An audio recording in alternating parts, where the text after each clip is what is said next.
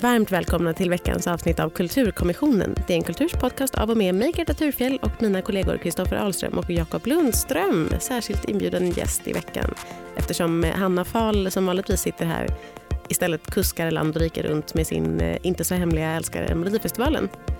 Hon vill inte vara här med sina gamla gemåler, Kristoffer. Nej, tråkigt att höra att man är bortvald.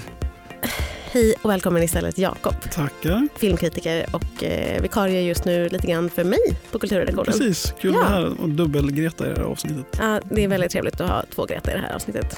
Där vi ska prata om den bioaktuella filmatiseringen av Anjara. Kristoffer, vad skulle du vilja ha sagt i dagens avsnitt? Ja, jag vill ifrågasätta varför vi ens måste prata om den här filmen eller utsätta oss för den eller om den ska få finnas. Okej Jakob, vad ska du toppa det här med? Jag tänkte förklara varför Aniara inte har blivit en amerikansk film. Intressant. På mig faller det som vanligt att höja ett varningens finger för spoilers. Eh, se filmen först om ni är känsliga för sådana eller ja, ni kan ju lyssna på podden istället för att se filmen helt enkelt.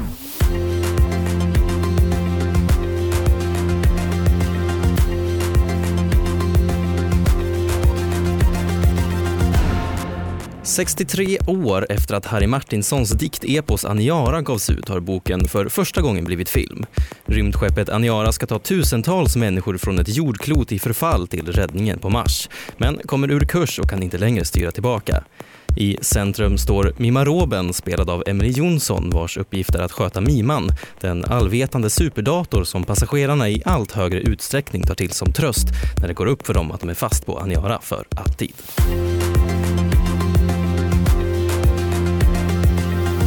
Jag skulle bara vilja dra igång med lite riktigt jävla dålig stämning från första minuten här. Åh nej. Ja, men jag måste bara få ur med det här för att jag har mått så dåligt efter att ha sett den här filmen och den här eh, känslan har nu växt till en ilska. Det är liksom nästa steg på sorgskalan kan man säga. Jaha. Så jag måste få, få ventilera här. Men du pratar så mycket liksom, åh det är så vältajmat att den här filmen kommer nu för att det handlar liksom om en, ja, men jord som är utarmad och, och skadad och inte beboelig längre och det passar så bra i våra tider med klimat, eh, ja, klimatförändringar och så. Eh, men jag, kände så här, det här var bara liksom en tårta, en ångesttårta på en tårta man redan har med liksom med ständiga rubriker vi möts av, liksom insekterna snart utrotade, det är nya värmerekord, värmerekord, Antarktisisarna smälter, man läser om så här, apokalypsprofeter som Royce Grant som pratar om att det enda vi kan göra nu är att hålla om våra barn för allting ändå är kört. Och då kände jag så här, behöver man då verkligen en film som bara säger att hopp är fåfängt och meningslöst och vi är på väg mot döden, allt vi kan lära oss, eller allt vi kan göra är bara lära oss att hantera det obestridliga faktumet att snart är liksom allting över. Och jag kände bara liksom en ja, otrolig uppgivenhet och eh, en känsla av att så här, ja, jag, jag menar inte så att all kultur måste vara uppbygglig, liksom. jag är inte så här, Eller? inte inte konstfanboy nu. Precis. Det, men det var bara någonting med att säga, jag behövde verkligen inte det här för att jag möter det så mycket. Och jag upptäcker också hos mig själv, man pratar sen om att i Storbritannien med Brexit och USA med Trump så har det skapats en skiljelinje, att man ser upp kontakten med gamla vänner, familjer splittras. Så har jag mer och mer börjat känna inför miljön, jag har som kompis som skryter om sina eurobonuspoäng, jag har blivit inbjuden till olika köttälskargrupper på Facebook och jag kände bara att mitt tålamod börjar tryta så får man den här jävla grejen i knät. Och jag försöker tänka så här, jag försöker ta till mina försvarsmekanismer, men Harry Martinsson kanske var en glad prick, jag kanske bara var en sätt att ventilera ångest. Bara, nej, för Harry Martinsson gick harakiri med sax på psyket och allting blir bara värre och värre ju mer jag tänkt på det här. Och det var bara det jag ville säga. Har det att göra med, tror du, att eh, du såg den i februari? Februari var liksom bara ytterligare ett lager på den här tårtan. Ja, kanske det. Kanske. Jag gick ut Jag menar- från bion i totalt mörker, samma mörker man levt inne i biosalongen. Och folk som sitter och mässar, ge oss ljuset. Lite så kände jag Jag också. Jag, tror var redo att gå med i en kult. en sexkult. Vaginakulten. Jag skulle vilja fråga då eh, er och även dig Jakob. Hej Jakob.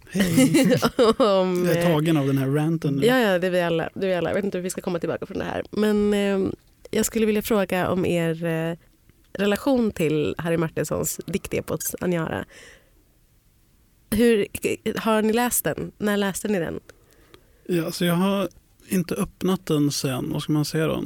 Jag kommer inte ihåg, jag måste varit på högstadiet Mm. då den liksom blev framlagd framför en som en klassiker som ju sådana här böcker tenderar att Ja, visst. göras. Eh, Men sen dess har jag inte bläddrat. Jag vet inte om den gav mer smak då när jag läste den eller om jag var redo för den. Jag kommer inte ihåg att jag fick här ångestanfall av den men eh, Jag tror fan inte att det är många högstadieelever som är redo för att göra. nej men också, också lite grann att Den är inte helt lättillgänglig. Om man är, Nej, och då var 12, det så. 90-talet och det var ju liksom efter, nu ska vi tänka här, för att den är ju så kärnvapenhots Ja. förknippad och har den, eh, så det, det kanske passar bättre nu med eh, tajmingen som precis Kristoffer vi var över kärnvapen. Då. Ja, det var så härliga glada tider, historiens slut hade, hade kommit och så på Mm. 90-talet. Så det var så här, ah, En hel generation som- av glada prickar. Liksom. Mm, precis, de enda som grät var de, ja, när Berlinmuren föll var de enda som var sorgsna på den tiden.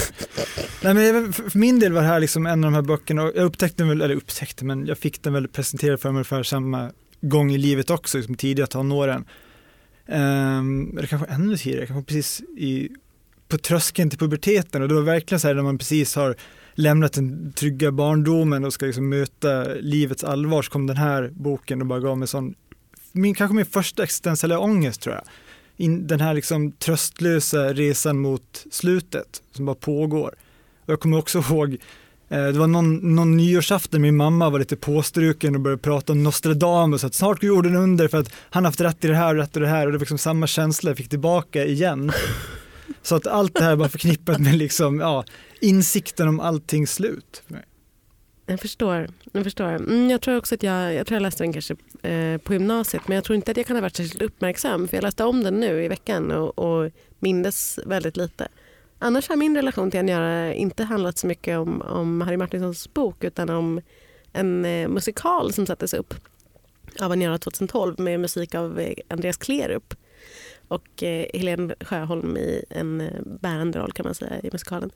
Det ska också sägas så då att Andreas Klerup har berättat i intervjuer, jag tror med Fredrik Strage faktiskt, om när han gjorde musiken till, till den här musikalen eh, och fick sån ångest att han fick ligga liksom i fosterställning Mm. och ja, tänkte självmordstankar. Så jag är ju inte ensam om, om de här känslorna som den här dikten framkallar. Nej, nej, nej, verkligen inte. Men jag eh, har lyssnat extremt mycket på den här skivan. Jag, har inte, jag såg inte musikalen för 2012 var inte jag så gammal. Men, men eh, jag har lyssnat jätte, jättemycket på musiken. Så det är liksom det. Jag, det jag tänkte mer när jag läste om den nu att, att eh, jag hörde väldigt mycket av det här i sång. Vilket, jag vet inte, det kanske bidrog till min läsning på något sätt att jag inte kände samma fosterställningspanik. Nej, En, Så. en sak som jag tyckte var rolig, jag ville veta så här hur man reagerar på den när den kom. Mm. För att den, i originalet säger att jorden är strålningsskadad, liksom kärnvapenkriget som Mm. Jakob är inne på. Så du läste eh, Bo Strömstedt, alltså då Expressens chefredaktör och även pappa till Niklas Strömstedt, recenserade den här 56 Expressen. Och det, det han är mest, eh, hans, den punkten han står mest på är vilken otrolig bestseller det här kommer bli trots att den kostar 18,50 inbunden. Men varför, får jag fråga, har du inte läst eh, eh, DNs återpublicerade recension? Olof Lagercrantz skrev den, om den nämligen 1956 och tog också upp att den kostade 18,50. eller om det bara stod var i bild... att det var dyrt med bara, eller nej, 18,50. jag tror kanske bara att det stod i bildtexten att den kostade 18,50. Mm. Det var väldigt gulligt i alla fall. Men eh, eh, den finns på dn.se att läsa för dig och eh, för andra som är intresserade. Varför tror ni att Aniara aldrig har blivit film förut? Det är ändå ett antal tiotal år. Nu kan jag inte minnas den exakta siffran hur många år det är. 63 år tror jag att det är sedan den, sedan den gavs ut. Ja, men det- hur det hur kan- kommer det sig? Den har blivit allt annat. Den har blivit opera, den har blivit musikal, den har blivit ballett, teater, serieroman. Det finns många tolkningar av den. Men film känns ju ändå som det som en bok oftast blir. Så. Om man tänker att det är en svensk bok förvisso av en nobelpristagare och liksom är internationell renommé sådär, men i- så kanske det inte är den självklara filmen att filmatisera. Verkligen inte i Sverige som inte har någon lång historia av eh, rymdfilmer. Det är inte den främsta svenska genren direkt. Vi, vi, vi har de här eh, som jag vet att Kristoffer gillar, de här Bert Karlsson. Det, det finns ju en, en rolig, förlåt jag det finns en rolig parallell eftersom delar av den här Aniara då är inspelad i Mall of Scandinavia, stora köpcentret i Solna. Så har vi en stolt tradition av eh, science fiction-filmen eh, Gröna gubbar från yttre rymden spelas in på Sara Skom, Skara Sommarland, Bert Mm. Karlssons nöjesimperium. Ja, men precis. Rymdinvasion i Lappland. Eller Mm. så där. Det är väl liksom den typen av titlar som vi, eh, svensk filmindustri har, har Mm. stoltserat med. Så det är liksom inte den här, Tillbaka till Vintergatan tänker jag på som 90-talist. ja, just det, Kenny Starfighter har vi också. Mm. Så det, men det är inte den här riktiga, vad ska vi säga, de här tunga eh, filosofiska rymdfilmerna. Tarkovsky-filmen Nej, men saknas. precis. eh, Så den, den traditionen har väl inte funnits riktigt. Nej, men också att eh, Sverige har alltid varit, i alla fall svensk film har varit extremt upptagen med liksom socialrealismen och liksom skildra folkhemmet framförallt och gråa DDR-Sverige och vardagen för människor. Det är väl ganska långt ifrån det här som också är en ganska fragmentarisk dikt som liksom, ja, kommer in från olika ingångar och så. Det är ganska svårt att gestalta. Vi har hamnat ur kurs och kan inte vända tillbaka.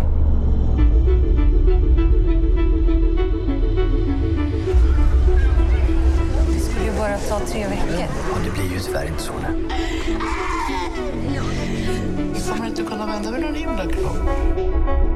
Vi eh, hörde här ett eh, kort ljudklipp från trailern till Anjara där man bland annat hör eh, musiken som är så fruktansvärt bra apropå att jag bara kan ta till mig Anjara i form av olika musikaliska tolkningar. Men det är Alexander Berg som har gjort musiken, mer känd under namnet Dorisburg. Eh, Som ju också är staden de åker ifrån i Aniara. Tack heter Kristoffer. Ja. Så Han, eh, han eh, ger ut sin musik på eh, eh, skivbolaget Anjara Recordings. En äkta Anjara-skalle med andra ord. Det är eh, bara en liten sak som jag ville säga. Den musiken går sjukt nog inte att lyssna på någonstans. Mm. om någon kan lösa det skulle jag vara glad. Men vad tänkte ni när ni såg trailern första gången? Alltså jag var nog mm, mest spänd. Jag visste ju att det var ett relativt sett, om man tänker rymdfilms-epos, och eh, att det var relativt sett låg budget. Så man, är lite nyfiken kanske av någon slags eh, svensk noja över nej, det får inte bli cringe på specialeffekter eller på rymdbilder. Alltså någon typ av kanske mer så här barnslig eh, mm, eh, inställning till att det ska se riktigt ut på något sätt. Men jag tyckte att jag fick nog ganska bra sug Mm, jag fick jättebra sug också. Alltså jag såg jättemycket fram emot att se den och, och var därför också sådär som man alltid är när man, man vet att man har gått och laddat upp sig för mycket på något sätt så tänkte jag den kommer nog inte vara så bra. Eh, och den kommer vara pajig och, och sådär. Men, men den var ju inte det. Jag, jag måste säga att jag fick raka motsatsen till ett sug det- om blås eller vad det kan sägas vara. Men det var, jag tyckte det var, jag såg den som hette trailer nummer två, jag vet inte om den vi hörde här, men då Det var den. Ja, jag, jag fick ju bara en otroligt dålig känsla, liksom så här stylta repliker, skärmar som blinkar i error. Det kändes som rederiet i rymden när man såg dem i så här, liksom, ja, kaptensuniformer. Och, eh, ja, jag Gud, bara, Rederiet i rymden, det är ju min eh, dröm. Det är också typ vad Star Trek är. ja, ja, faktiskt lite. Det, det är den pitchen man vill höra. Ah, och, ja. Ska drömma mig bort det. Ehm, nej, men om vi eh, går vidare till själva Niara-filmen då. Vad tyckte ni? Vad, hur, vad har ni för tankar? Jag tänkte mycket på liksom det här med så här hur man ska eh, gestalta karaktärerna i filmen som ju är väldigt... Ja, all, allting är ju liksom berättat ur Mima Robens perspektiv i, i dikten och eh, inte allting men det mesta. Hur, hur fångade de karaktärerna? Får man någon relation till dem? Och, och är det syftet att man ska få det tror ni? Det jag tyckte var, var intressant är just här hur man ska behandla de här extremt vad ska man säga, svulstiga diktraderna, försöker liksom dialog av det och det har de ju löst genom att bara försöka göra så naturalistiskt som möjligt, vilket jag vet att vissa personer har haft stora problem med det här att eh, man har liksom det här väldigt, ja, eposet och ska man ta sig an det så är det folk som säger ja jag vet du såg oss där men det var bara en grej, det var ingenting mellan oss, att det liksom blir det här såpopera av det. Eh, men jag tyckte den var Att ganska det ska bra. vara så språk för nästan 20-talet. Ja, precis. Eh, Och att det liksom verkligen tar bort det högstämda och liksom gå in på någonting vardagligt. Men jag tyckte att det var ganska befriande faktiskt. Att man inte försökte behålla, det kom ju in eh, monologer och liksom rader som är ur, ur dikten men de känns ändå som att de vävs in på ett bra sätt. Så att jag tycker det funkar bra med det här eh, vardagliga sättet att prata. Mm. Det är väl den kontrasten som finns i liksom rent estetiskt också, eller hur de har gått tillväga när de har gjort den här filmen. Du, du nämnde ju förut Kristoffer Mall of Scandinavia såklart, som är en inspelningsplats som man känner igen. Och det, apropå Rederiet så får man ju, det är ju en, en just vardaglig Finlandsfärja känsla som man får som jag kan tänka mig som ger ett sånt eh, ja, men just det här naturalistiska ingången om hur man kan ändå föreställa sig att det kanske skulle vara då om man ska åka iväg Mm, på en sån mm. här rymdfärd och lämna jorden. Att det, det, så här dåliga infotainmentfilmer som sänds ombord. ja, Mm.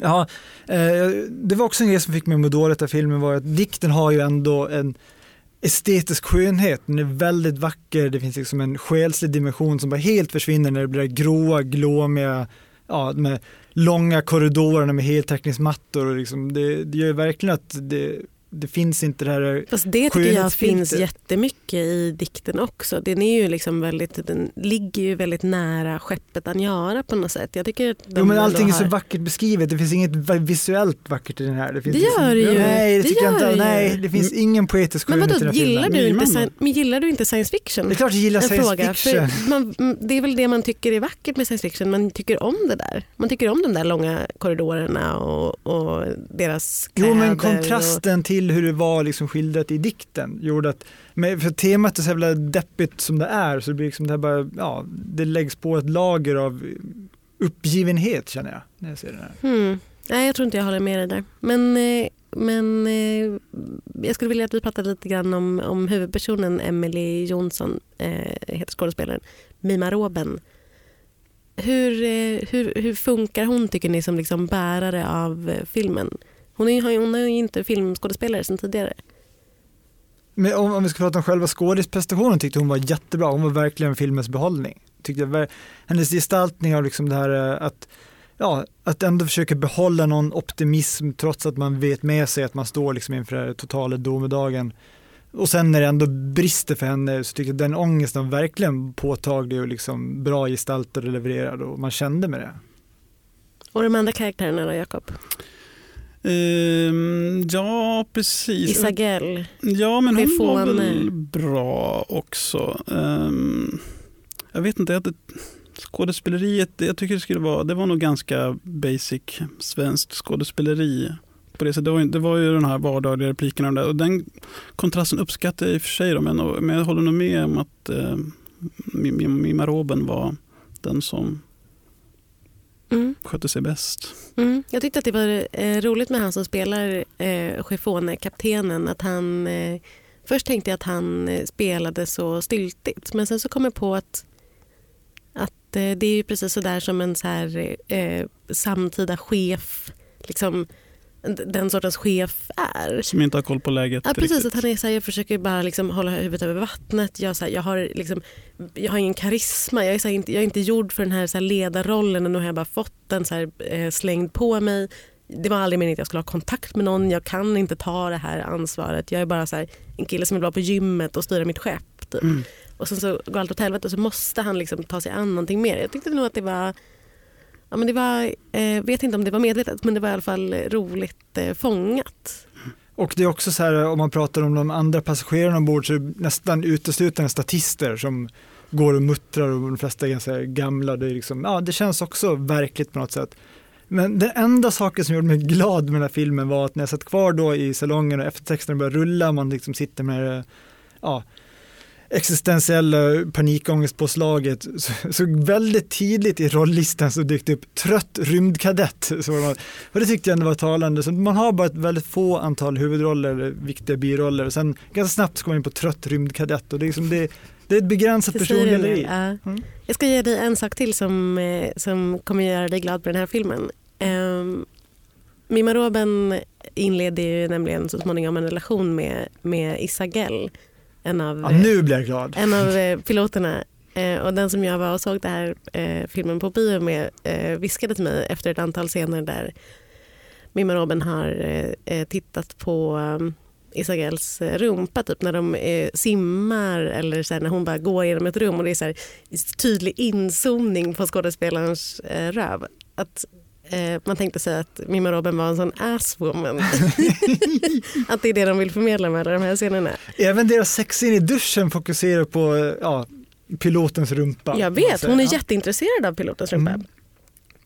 Jag ville bara säga det. Ja, Jag vill bara säga det. Att det, det piggade upp i filmen. Jag satt och fnissade Eh, kanske var jag den enda som fnissade i den, eh, i Men det var ju inte eh, salongen. Men så var det. sexiga sexscener kan man inte säga. I Det största var, allmänhet ja, nej, men det, är ju här, det är någon scen när de står och hånglar i korridoren, det är så här, smackande slemmiga tungor, det är råa kalla ljuset, det fanns liksom ingen så här eh, erotisk lyster över dem. Jo, jag tycker den scenen i duschen är underbar. Men, men jag håller med om den. Den finns ju den här scenen då med den som, eh, som det inte var något riktigt med, Daisy Doody.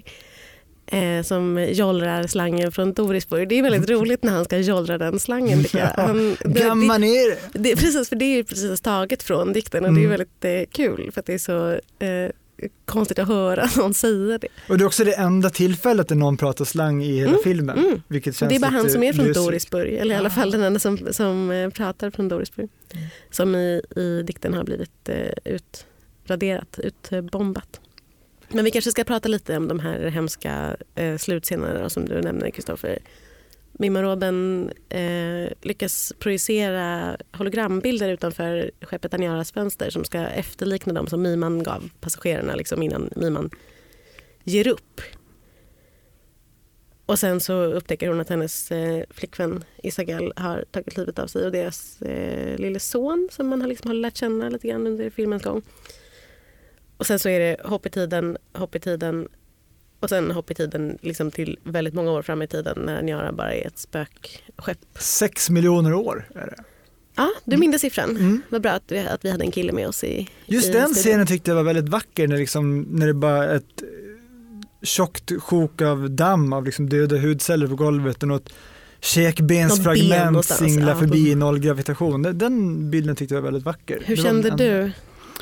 Nej, men jag tyckte den de scenerna, liksom när det om vi tänker att endast fantasin sätter gränser, som vi brukar säga, så, så är den här filmen eh, och diktverket skildrar ju liksom när fantasin inte längre klarar av det och inte längre kan vara någon tröst i den här världen. Då, som då just när Mima Robin sätter upp de här skärmarna när Miman har, har gett upp eh, och inte längre kan vara någon tillflyktsort. Så hon, hon sätter upp de här skärmarna just för att man ska på något sätt, det ska finnas någon bortre gräns i Mm. universum och för Mm. den här totala gränslösa färden mot eh, döden då, Kristoffer. Men, men, men det finns ju någon typ av, jag tänkte just på att den inte har filmatiserats heller, det finns ju någon sån metaberättelse om hur vi själva, hur vi själva använder kultur, konst eller film eller annat. Om vi använder det som tröst eller som i det här fallet om vi nu ångestpåslag eller sorgebearbetning eller hur vi nu vill närma oss där.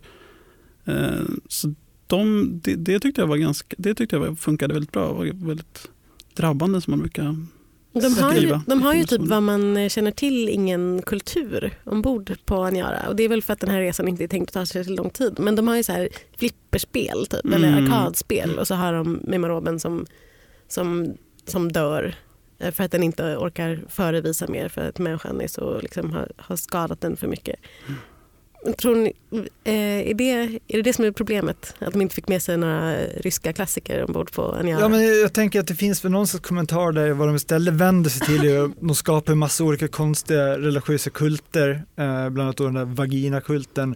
Mm. Eh, en sekt som Det är ju väldigt speciella sex, sexscener. Då. Ja, och- Framförallt, jag tänker på den, gud, jag kommer aldrig kunna skaka av med den här bilden när, när det träder in en man i lokalen. med halvslak. Men liksom, könet liksom vibrerar. Mm. Ah, det, är så, ah, det är så grovt. Det är så eh, sällan man har sett något så grovt på, Det- i en svensk film. En sak som jag saknar från, från eh, Diktepos där är ju när han skriver om kittlarsekten. De går, man hör deras vet. fniss i korridoren. Jag tänkte också på det. jag hade det hade älskat att verkligen myst till det. Verkligen, verkligen. skrattterapi på Men, men, eh, men om man ska prata om den orgiscenen så var det också så här, eh, var det inte lite eh, porrperspektivet? Det var, det var liksom manlig penetration av kvinna, det var Men man såg ju lesbiska- ingen- lesbiska ormgropar men det var inget man on man action. Det känns väldigt så här porrkonservativt. Tycker du? Jag tycker ju man såg ju ingen penetration. Man såg ju liksom ett huvud som vaggade av och an medan Man såg skedde. ju hans halvstyva i närbild. Ja det gjorde man men det vet jag inte om det... Uh, no, nej jag tycker inte att det var... Jag tyckte att det var också en väldigt eh, fin scen. Det var väldigt... eh, eh, liksom, man förstod verkligen hur, att de hade försökt kultifiera det liksom, genom att måla eh, glasögon. märken kring deras ögon och det skulle vara väldigt rituellt. Så. Och så var det bara att de typ, vi måste knulla för att ha någonting att göra. Typ. de kunde ha kittlat varandra och fnissat tycker jag. Mm, Det hade varit mysigare för Mm, dig. ja. Barn, I barnklippningen så gör de det. Aj, aj, aj, det kluckar i rören. Men det är väl inget att bry sig om? Jo, då är det dags för de gröna bilarna. Spolarna behöver göra sitt jobb. Spolarna är lösningen. Ah, hör du? Nej, just det. Det har slutat. Hej! Halebop här. Vill du bli först med det senaste från Google? Just nu kan du byta in vilken mobil som helst och få nya Pixel 8A med en fantastisk kamera och praktisk AI. Och 30 gig surf för 339 kronor i månaden på halebop.se. Ses där!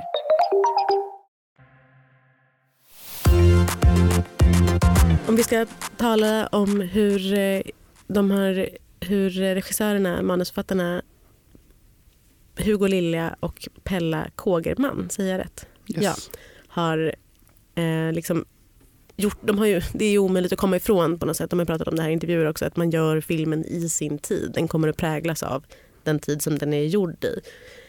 Bara en sån sak till exempel som att huvudpersonen Mima Robin har blivit en kvinna och, och Daisy Doody som vi pratade om tidigare är ju då en liksom förförisk danserska eh, med hårigt sköte i, i eh, eh, boken men en man då. Och visst är det så att de säger konsekvent en istället för man på det där sättet som är ganska eh, trött att eh, kritisera men som ju fortfarande stör. Tänkte ni på det? Nej, det missar jag tror jag. Jag tror att de gör det. Jag tror att de gör det. Vad, vad, vad tyckte ni om den liksom som, som skildring av så här, samtidsmänniskan? Man tänker väl att det ska utspela sig i framtiden men, men, men de är ju ändå väldigt präglade av så här, eh, 2000, nästan 20-talet. Mm, jag vet inte om, man, om, man, om det är för att man själv, eller jag själv, en själv, är medveten om att den utspelar sig i Mall of Scandinavia. Det är ju liksom en, man skulle kunna säga övertydlig inramning om att vi åker liksom i en så konsumtionspalats på väg mot, Mm. från och mot vår egen undergång. Och som man då brukar säga, mitt, eget favoritord, sarkofag. Att Det är det ordet som ofta används om visst. den här filmen. Den visades i en kista också vet jag, på Göteborgs filmfestival där den hade Ja, det tyckte jag lät underbart. Att Jag man gillar liksom så. kliva in i jag tyckte den. vi säga alla filmer så. Den sista. med en liksom en Men det, det är också den ångesten som jag, som jag känner. Jag har ju vissa så här, eh, ja, irrationella fobier och en av dem är det här att bli levande begravd och bara ligga stilla och vänta in sin egen död och därför tycker jag det är rätt bra liknelse just att bara nu ska vi visa den här filmen när du ligger i en jävla kista. Känn på det här du. Ja, det finns, ju- kommer du ihåg den filmen med eh, Ryan Reynolds som ligger i en kista hela filmen? Den, den undrar Ja, det den- var ett CSI-avsnitt som Quentin Tarantino spelade in också. Det, Mm. ja, och även Kill Bill använder, återanvänder det greppet sen. Det är verkligen, fan. En hel eh, Mac Miller musikvideo utspelar sig också in i Ja. kista som han till slut slår sig ur. Men det tycker jag, ja, jag, jag är positivt inställd till tanken se film i kista. Men, men jag vill fortfarande att vi pratar mer om det här liksom samtidsbegrepp, eh, eller liksom så här, hur, man, hur man gör en film som speglar sin egen tid Mm. snarare än, och inte specifikt kanske då på klimatkatastrofs eh, liksom scenariot som man förstås tänker sig att det är. Utan hur man adapterar, kan man säga så på svenska, en, en eh, film till sin tid. Som ändå är 63, ett 63 år gammalt verk. Mm. Ja, men vi var inne lite på det här att man har liksom låtit folk prata som folk pratar om man ska Mm. uttrycka det så. Mm. Mm. Sen kan man också tycka så här när man ser att de står i rulltrappan, okej det här är rulltrappan på Malmskrämden ner från Filmstaden, känner igen det här. Precis. Så skulle man kunna tänka sig att det här kommer bryta illusionen att jag inte är ombord på det här rymdskeppet, men snarare tvärtom kändes det som att man verkligen så här, ja, förankrade sig att det här är en plats som skulle kunna vara här och nu och det skulle förmodligen se ut så här. Och det är ett smart sätt att lösa det budgetmässigt, att så här, ja, det är de här sterila liksom, korridorerna och så vidare. Men det som gör mig lite deprimerad är att Mall of Scandinavia är en underbar plats. Det är en av de Jag bästa tänkte platserna att vi har. skulle säga det. Vid det här laget det, har vi sagt Mall of Scandinavia så många gånger att man skulle kunna tro att DN får betalt av Mall of Scandinavia. Men det får vi alltså inte. Vi bara Trist dyrkar. nog. Ja. Tyvärr får vi inte det. Vi älskar Mall of Scandinavia så himla mycket. Tyckte du att, det, att de har vanhelgat din underbara, ditt safe space, Ja, din, så, ditt så här, happy bara, bara en place? sån sak som när du går in juletid genom ingången till Mall of Scandinavia så finns där en doftinstallation så det doftar nybakt pepparkaka. Det är liksom, det finns Det är himmelriket, Ja, inte en exakt. kristallsarkofag. Nej, precis. Så det, verkligen, det känns så. Sen fanns det vissa roliga scener som man ser det där barnet springer omkring och man bara, ah, det är korridoren till de underbara guldtoaletter på Mall of Scandinavia. Jag tänkte på, alltså, eh, apropå samtiden som också sipprar in liksom, på det sättet. Jag kände igen någon bild från den här uppmärksammade eh, incidenten eller händelsen där de här vakterna Just slår och knuffar och binder fast de här pojkarna i Mall of Scandinavia. mm, mm, Jag bara, men vänta, det är exakt den där ingången, det här klippet som har spridits på nätet. Ah, eh, känt spelat- från internet. Ja, men precis, att det, är den, ja, det blir en slags lager på lager, o, oavsiktlig men ofrånkomlig, där man använder sådana verkliga miljöer och det finns andra upplevelser och bilder från samma plats. Men som ju både är liksom jättesmart för att det var en lågbudgetproduktion. De spelade in på en Finlandsfärja också. Mm. De spelade in på Stockholm Waterfront konsertlokalen och konferensbygget i Stockholm. Också en underbar byggnad för övrigt som jag tycker mycket om. Men, eh, nej men verkligen att det, att det också, det ger ett lager åtminstone till oss som känner igen eh, Ja. de här sortens eh, platser väldigt väl. Det är intressant att- hur pass man, mycket man känner till och tänker på det om man är icke-mosbesökare så att säga. Finns det någonting med liksom just här eh, och hade den blivit väldigt annorlunda om det hade varit en inte... Man skulle kunna tänka sig att liksom Hollywood gärna skulle vilja göra Aniara också. Hade den blivit väldigt annorlunda då? Präglas Det- den väldigt mycket av så här, det svenska De har ju berättat om det tunga regissören, när de- själen, det när de svenska den- svårmodet? när de pitchar den för Hollywood och eh, producenten, ja, de till början så väldigt eh, entusiastiska, så, så säger han så här, men skulle inte en person åtminstone kunna överleva då? Så det liksom blir lite... I sex miljoner år? Ja, men ändå så här, det, det var ju något eh, inslag i Fråga Lund, nya säsongen, där de pratade om så här, eh, om vi lämnar jorden ett rymdskepp, eh, hur lång tid skulle det ta då i avlandet av generation på generation tills liksom, människan antagit en ny genetisk form? Mm. Och det var ju typ så här, det var inte sex miljoner år, men det var, det var kortare än så. så det var ändå intressant att se så här, hur skulle en människa som lever instängd i rymdskeppet utan tillgång till liksom naturligt dagsljus, hur skulle den personen bli Mm. rent fysiskt? Hur, hur, eh, säg förlåt. Ja, jag tycker ju det här slutdiskussionen är intressant.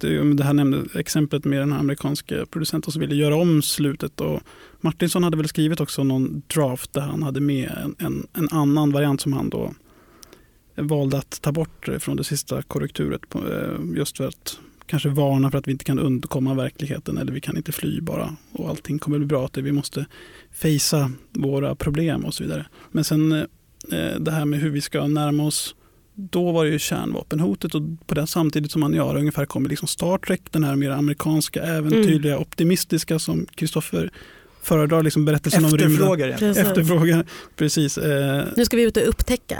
ja, som, ju, precis. som ju den lite håglösa och karismatiska chefen också försöker få det till. Att så här, ja. eh, vi ska ut på ett eh, uppdrag nu som ingen, vi har aldrig varit så här långt ut i rymden förut. Alla Ett upptäcktsresande bara, liksom. Ja, Ja. Att man, det finns någonting spännande att upptäcka. Men det är ingen som nappar på det. Det är det som är att det gör att filmen inte blir Star Trek. Nej, att alla bara, vi precis. vill inte. Precis, att den här, den, här, den här är mer i en tradition av rymdberättelser som är just mer eh, oj vad mörkt det är där te- ute. Och, Men vad tänkte ni då om den absoluta slutscenen då när de når Lyrans stjärnbild och helt plötsligt har de kommit till en planet som ser ut exakt som jorden som verkar vara liksom beboelig och ha samma atmosfäriska förutsättningar. Vad, to- tolkar ni det som ett too little too late. Ja, lite så. Att, Sex miljoner, det var, det var, det var kunde de bara inte hållit Klen ut i sex miljoner som klarar biffen? Innan vi slutar för dagen så har det blivit dags för detta. Jag har bett er att ta med er den bästa mening som ni har läst eller hört i veckan. Något ur en roman, något från Twitter eller vem vet, kanske från en skylt i mataffären. Nej, jag har faktiskt med mig någonting från min inkorg i mejlen som, som jag tycker passar väldigt bra till temat vi har pratat om idag, eh, nämligen poesi. Um, det, poesi kan ju uppstå på de mest oväntade platser och i mitt fall så var det då en person jag ska träffa på Facebook som jobbar med granskning av innehållet i, i flödena och vad som är lämpligt och inte och då fick jag liksom lite så här information inför den intervjun från eh, personalen där och då lyder det så här, och tänker nu att det är liksom lite radbrutet som en, som en härlig dikt. Det finns inte begränsningar för frågor ni kan ställa, men det kan finnas begränsningar för frågor som hon kan svara på. Det är vackert. Ja, det, är- det är en slags corporate bullshit-poesi som jag älskar. raka rör. Ja, Du har med en lite mer ekivok eh, mening, Jakob. dessutom på norska. Det är det som gör det så himla kittlande. Jag ska försöka prata norska. Tatt på sänga av lydporno. Gud, jag känner mig tatt på sängen. Ja, men det, som, det som för ett otränat öra låter som någon BDSM-nyhet. Det handlar ju alltså inte om lydporr utan om ljudporr då, om man ska översätta det. Och det är den norska tidningen Klassekampen som har skrivit om erotisk litteratur på Storytel eh, som även finns på svenska Storytel har jag dubbelkollat. Då. Och det här är såklart då, uppenbarligen julafton för rubriksättare och Mm. bildtextförfattare. Jag ska inte nämna några fler exempel här, det får man lä- läsa själv om man Mm, besöker den här artikeln. mm, mm. Men det här är efter ett avslöjande inom citattecken om att Storytel har en massa erotisk litteratur där man blandar då å ena sidan 50 shades of Grey, den, eh, Grey en modern bestseller med Mo- Madame klassiker. en klassiker, en modern klassiker med en gammal klassiker, Madame Bovary med då de här titlarna Daddy's Girl och He's in my behind. Så fick du det sagt, Jakob. Eh, Jag har med mig den här meningen som jag eh, helt fräckt har stulit från Twitter. On TV no man can tie a necktie but all women can and there's no backstory to explain it. Nej, det tycker jag är tankeväckande. Ja. Det var en väldigt rolig eh, mening Mm. eh, eftersom det händer i precis varenda eh, tv-serie då förstås. Jag var med om det här häromveckan att jag skulle inte knyta en slips för det kan jag i och för sig inte heller. Men eh, blev ombedd att knyta en fluga. Alltså så fruktansvärt svårt. ja, det är ett riktigt Jag kan manligt säga så här, eh, this woman kan absolut inte knyta en necktie. Och eh, jag vet inte, eh, jag kanske måste lära mig det. Ja, när, när jag jobbar på... Äkta kvinnor ska kunna knyta sin mans slips, det är det jag har lärt mig på TV. Ja, ja nej, men det, det är bra att det är viktigt att det fostras. så Ja, att det är ingenting ja, ja. vi män Nej, behöver jag kommer behöva kolla på en YouTube tutorial. Mm. Ja, Som istället jag gör varje gång jag ska knyta en slips för det sker så sällan så jag Ja, glömma det- mellan varven. är också starkt av dig att göra det själv och inte bara be din kvinna. Men när jag jobbade på Herrtidningen Café så var det liksom det, det som skilde agnarna från vetet var de som hade färdigknutna flugor och de som kunde knyta dem själva. Mm. Så det är ultimata liksom, beviset för att man är en riktig man. Att man är alfa. Mm. Mm. Med det så tackar veckans kulturkommission för sig. Vi är ett samarbete mellan Bauer Media och Dagens Nyheter och vi heter Greta Thurfjell, Jakob Lundström och Kristoffer Ahlström. Tekniker var Oliver Bergman. Tack för oss. Tack. Tack.